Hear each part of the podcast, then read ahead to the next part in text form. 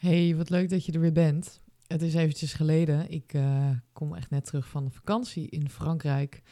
Gisteren zijn wij weer thuisgekomen naar een hele lekkere week. Wat uh, voor mijn gevoel heel langer voelde. Omdat we heel veel hebben gedaan, heel veel hebben gezien. Ja, dat was als je mijn story hebt gevolgd, dan uh, heb je gezien wat er allemaal is gebeurd en wat ik allemaal heb gedaan. En um, heel veel verschillende dingen. En een hele mooie afsluitend weekend hadden wij in Frankrijk met vrienden, met uh, eh, 25 mensen.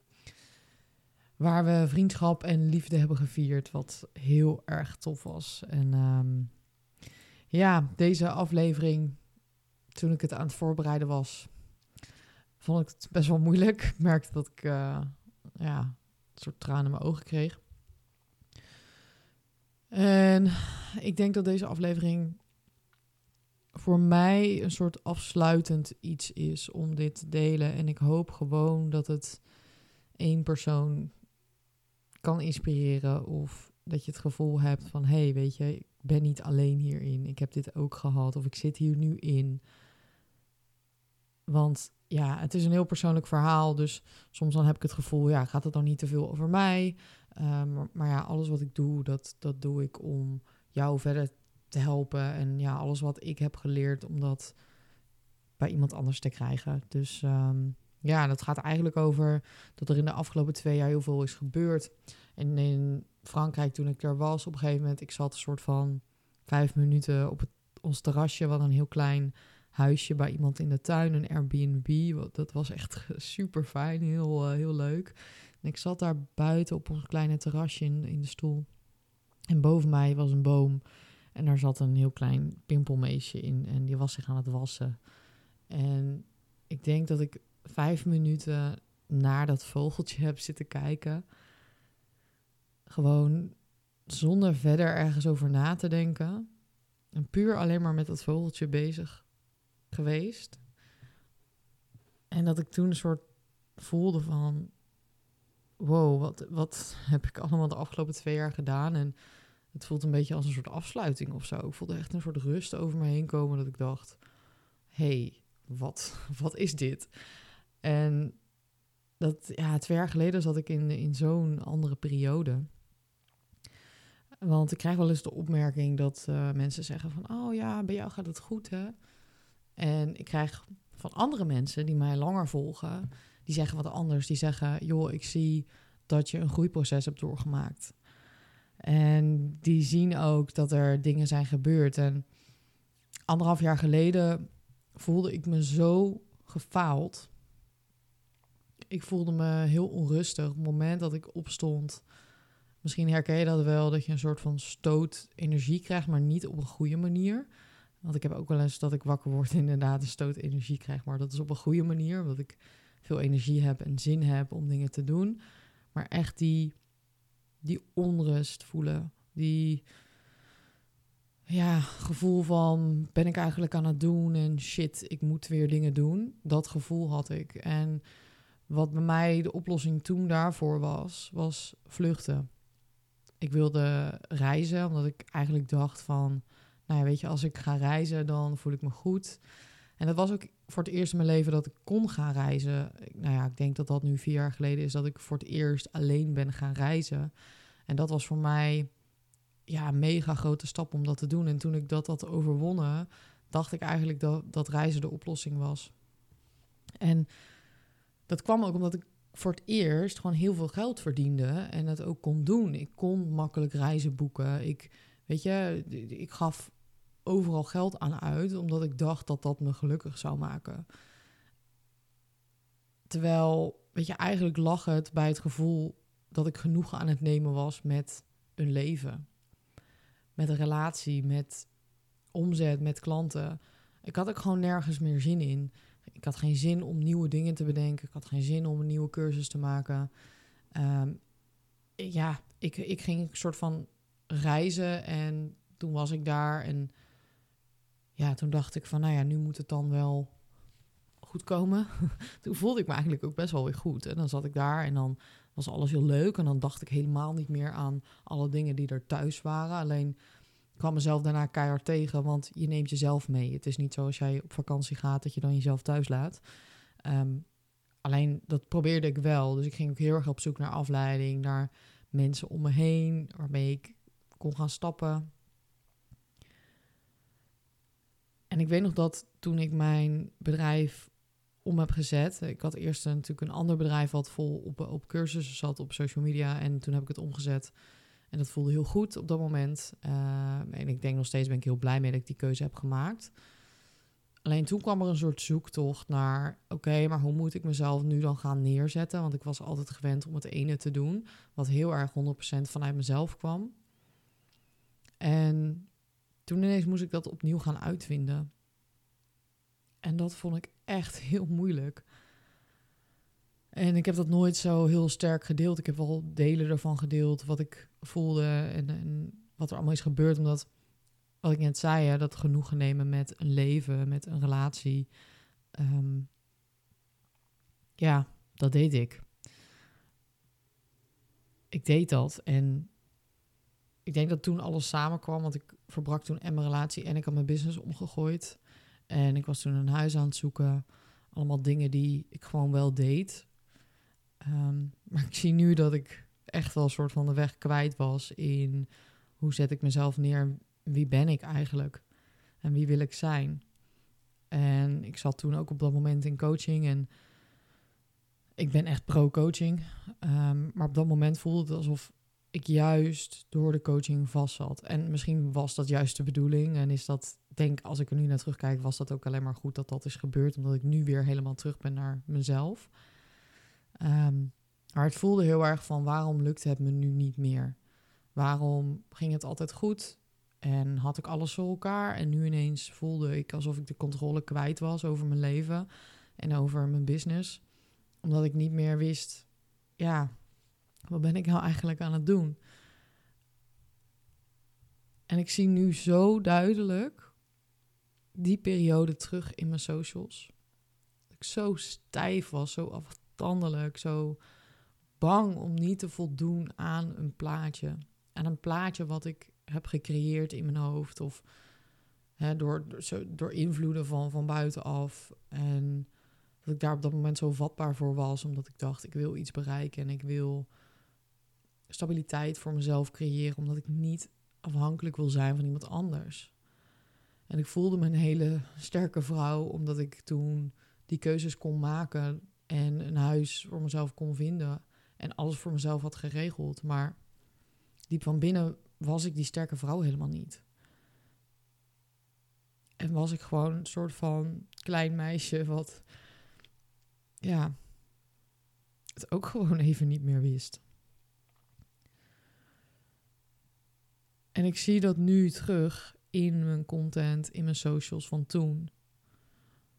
Dat ik soort van mijn persoonlijkheid kwijt was, mijn visie kwijt was. Mocht ik nog wel grapjes maken? Mocht ik wel zeggen wat ik echt dacht? Ehm, wat als mensen me niet slim genoeg vonden? Moet ik niet de hele tijd nieuwe dingen bedenken wat veel dieper gaat? Iets wat ik gewoon nooit had gevoeld, want ik deed altijd gewoon alles en ik postte alles. En daarom had ik juist ook de following die ik had. En voor mijn gevoel zakte alles zo als een soort kaartenhuis in elkaar. Volgers, bereik, klanten. En dat is een heel logisch gevolg dat dat gebeurde, omdat ik mezelf niet meer was. Ik stond niet achter wat ik deed, ik stond niet achter wat ik postte online. En ergens aan de ene kant natuurlijk wel. Het is niet dat ik alles wat ik heb gedaan, dat dat onzin is of, of helemaal niet matcht. Alleen, ik denk in grote lijnen, als ik het nu vergelijk met hoe ik nu ben en hoe ik er nu in zit, ja, is dat wel echt een heel groot verschil. En ja, op dat moment wilde ik dat ook niet voelen.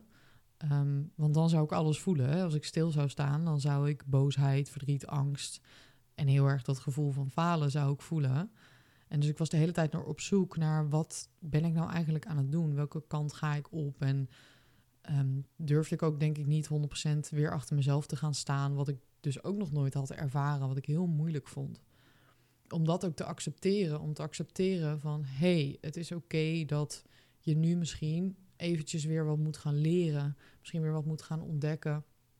Voordat je weer terugkomt naar ja, de kern, zeg maar. En ik denk dat dit verhaal ook als, ehm, ja, als doel heeft van... hey, weet je, je ziet niet altijd die... Je ziet nooit die achterkant volledig. En je ziet niet dat andere mensen falen die bijvoorbeeld nu succesvol zijn. Want 9 van de 10 ideeën die falen. En net dat één idee gaat voor succes zorgen. Mensen die nu bijvoorbeeld wereldberoemd zijn of uh, die, die een mega uitvinding hebben gedaan. Ja, dat duurde ook heel lang. En die hebben heel vaak hebben ze gefaald. Of in ieder geval niet falen, maar zijn er dingen gewoon niet gelukt. En ik ben toevallig een boek aan het lezen um, over geld. En hadden ze een heel goed voorbeeld. Weet je, op het moment dat je een, een dikke auto ziet, je ziet een Ferrari, dan kijkt iedereen naar die auto. En jij denkt, als jij die Ferrari zelf gaat kopen, van oh, dan gaat iedereen mij super cool vinden als ik die Ferrari heb. Maar wat er eigenlijk gebeurt is als jij een Ferrari ziet, dan kijk je naar die auto en niet naar de bestuurder. En wat jij dan denkt is als je die auto ziet, oh, ik wil dat ook. Dus mensen zijn bezig met ik wil dat ook. Ik wil die auto. En dat vind ik zo interessant, omdat we heel erg bezig zijn met ik wil heel veel geld, want dan kan ik een huis kopen of een auto. Want dan denken andere mensen dat ik het gemaakt heb, dat ik het, weet je, dat ik succesvol ben. Terwijl die achterkant zien we helemaal niet. Er kunnen ook mensen zijn die hebben zo'n dikke auto en die hebben verder helemaal niks. Die zijn niet gelukkig. Of die hebben misschien eerst de hele tijd in een oude kutauto gereden. Um, en die wilden ook keer zo'n auto kopen, maar dat lukte niet. Omdat ze niet, weet je, dat, dat beste idee hadden. Of, of dat geld hadden ze gewoon niet. Dus ik denk dat het heel goed is om te beseffen van... Als jij maar continu doorgaat, um, dan kom je uiteindelijk gewoon weer sterker terug. En ik ben heel dankbaar nu voor die periode. Want nu weet ik hoe weerbaar ik ben. En nu weet ik ook van hé, hey, dit hoort erbij. Want ik denk dat tegenslagen je juist een ondernemer maken. Niet als je alleen maar succes hebt. Want dan ben je creatief en dan los je problemen op. En dan weet je ook wat je moet doen op het moment dat het dus niet goed gaat. Want na die paar maanden dat ik echt zo aan het klooien was en ik had gewoon geen energie. Ik moest superveel huilen. En ik dacht echt, wat de fuck moet ik doen? Ik kan niet nu zo doorgaan zoals het nu is. En ik had ook het gevoel dat ik dat ook bij niemand kon neerleggen. Want ja, ik had wel een soort van het gevoel, ja, bij wie moet ik dan aankloppen met dit? Uh, ik moet het toch zelf oplossen. En dat gevoel had ik heel erg. En zeker omdat je, weet je, je ziet allemaal andere mensen online en ja, daar moet je dan een soort van aan voldoen. Um, maar ik dacht, oké, ik ga gewoon nu de simpelste stappen voor mezelf opschrijven om hier uit te komen. En om, om ook weer die creativiteit te vinden, want ik miste dat mega. Ik kon helemaal geen content maken omdat ik volledig blokkeerde. Omdat ik dus niet meer voelde, dit is echt Debra. En ja, weet je, nou ja, gewoon, ik hou gewoon ook van de simpele dingen. En ik hou van, vorige week gingen we naar Frankrijk en hebben we hele luxe dingen gedaan. We zijn in Parijs geweest, we hebben oesters gegeten en champagne gedronken. Maar we hebben ook gewoon in een tentje gezeten en in een tentje geslapen. En ik hou van die dualiteit, weet je. Dus ik had heel erg, en dat heb ik mezelf waarschijnlijk ergens aangepraat, dat ik niet meer een soort van basic kon zijn. dat alles tegenwoordig een soort van high-end is. En daarbij kan je dus niet meer uh, basic zijn. Dat idee had ik gekregen. En dat is mij heel erg, dat, ja, dat is mij gewoon echt gaan tegenhouden. Dus ik dacht, oké, nummer één wat ik ga doen, want op een gegeven moment had ik mijn kantoor niet meer. En toen werkte ik dus volledig thuis. En toen dacht ik, oké, stap één, de simpelste stap die ik nu kan doen, is ik ga weer opnieuw um, een kantoor zoeken. Nou, en heel toevallig kwam gewoon precies hetzelfde kantoor weer op mijn pad. Um, omdat een vriendin van mij, die is eruit gegaan.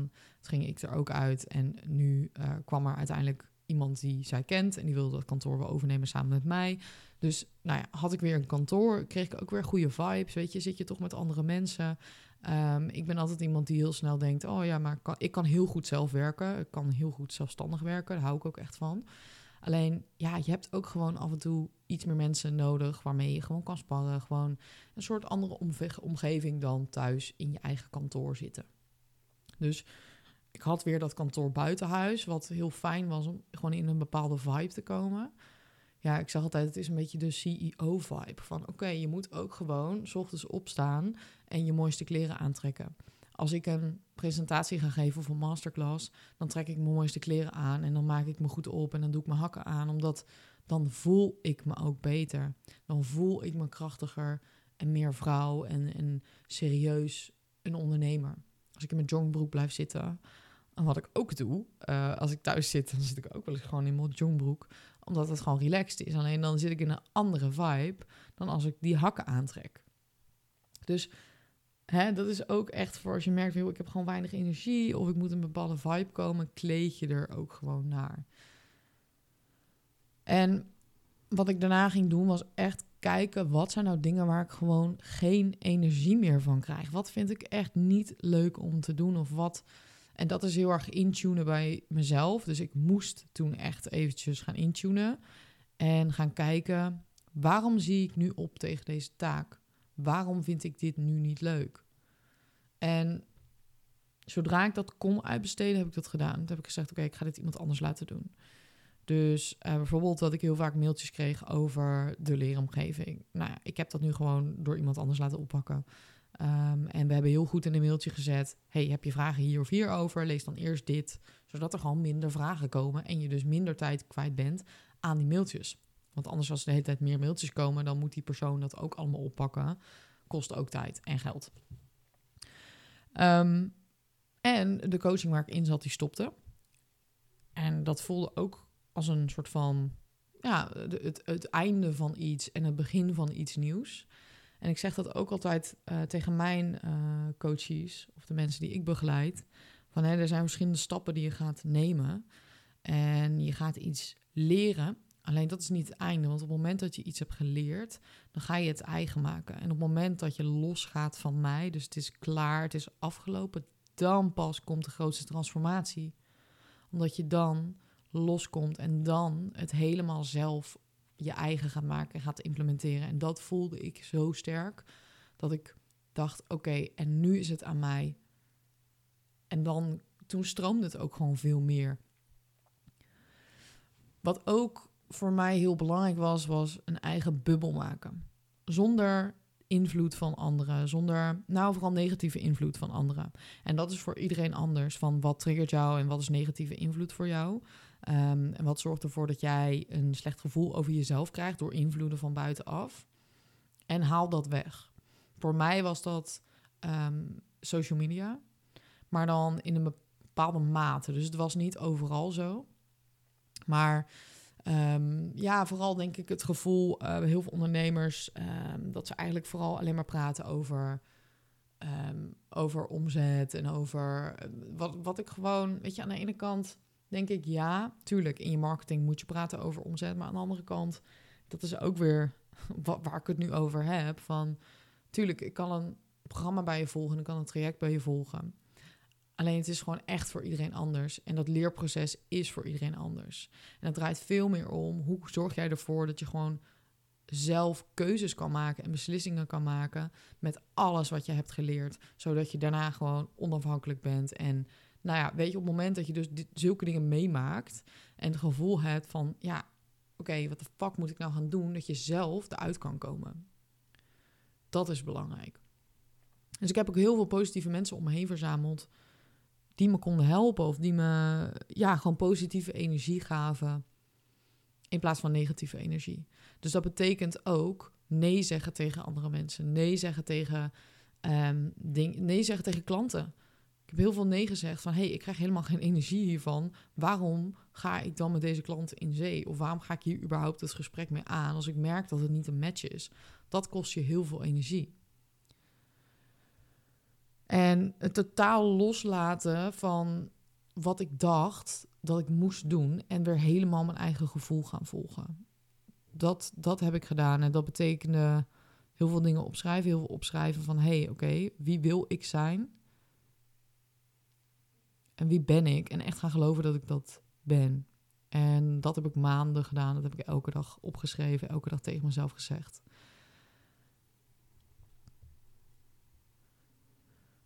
En man. ik voel me eindelijk na die lange periode dat dat zo voelde. En dat is nu, ja, laten we zeggen, ik denk een jaar geleden dat, dat ik dat voor het laatst een beetje zo echt sterk heb gevoeld. daarna werd het dus minder. Ik voel me eindelijk een vrouw die weerbaar is. Die gewoon weet waar ze het over heeft en fucking veel bereikt heeft. En dat had ik nooit verwacht. En ik wil nog meer en dat gun ik mezelf ook. Maar dit proces is zo leerzaam en weet je, ondernemen is soms kut en, en soms is het heel mooi. En ja, ik denk ook als je met een coach aan de slag gaat, als je gaat ondernemen, dan gaat dit gewoon gebeuren. Of kan dit gebeuren? En ga je boos zijn, gefrustreerd, verdrietig, het gaat niet zoals je wilt. Um, het kan ook zijn dat het heel goed gaat en dat je daarna iets tegenkomt. Um,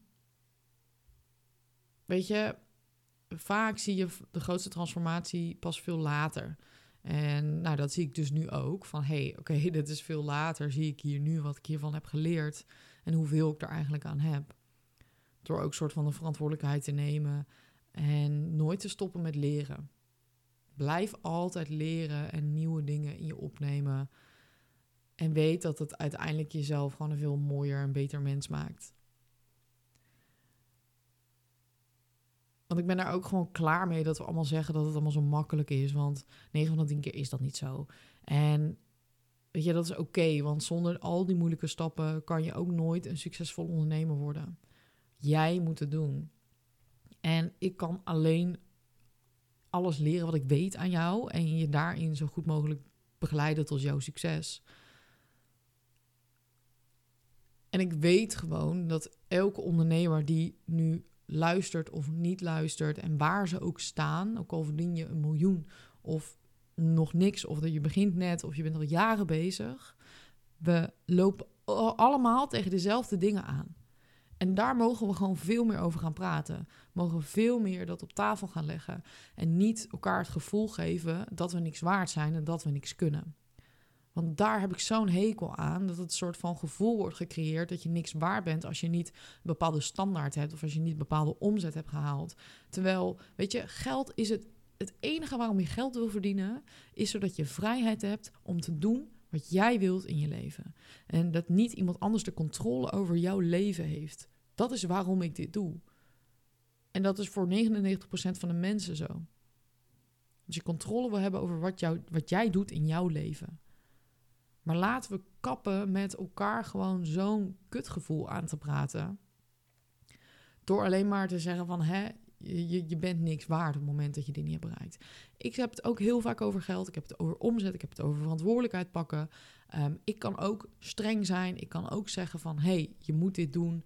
Uh, en je moet niet zo zeuren, om het even plat te zeggen. Maar ik doe dat vanuit liefde. En dat is helemaal niet omdat ik denk dat jij minder bent of uh, niet goed bezig bent omdat je het, of omdat je het helemaal niet wil. Nee, daar gaat het niet om.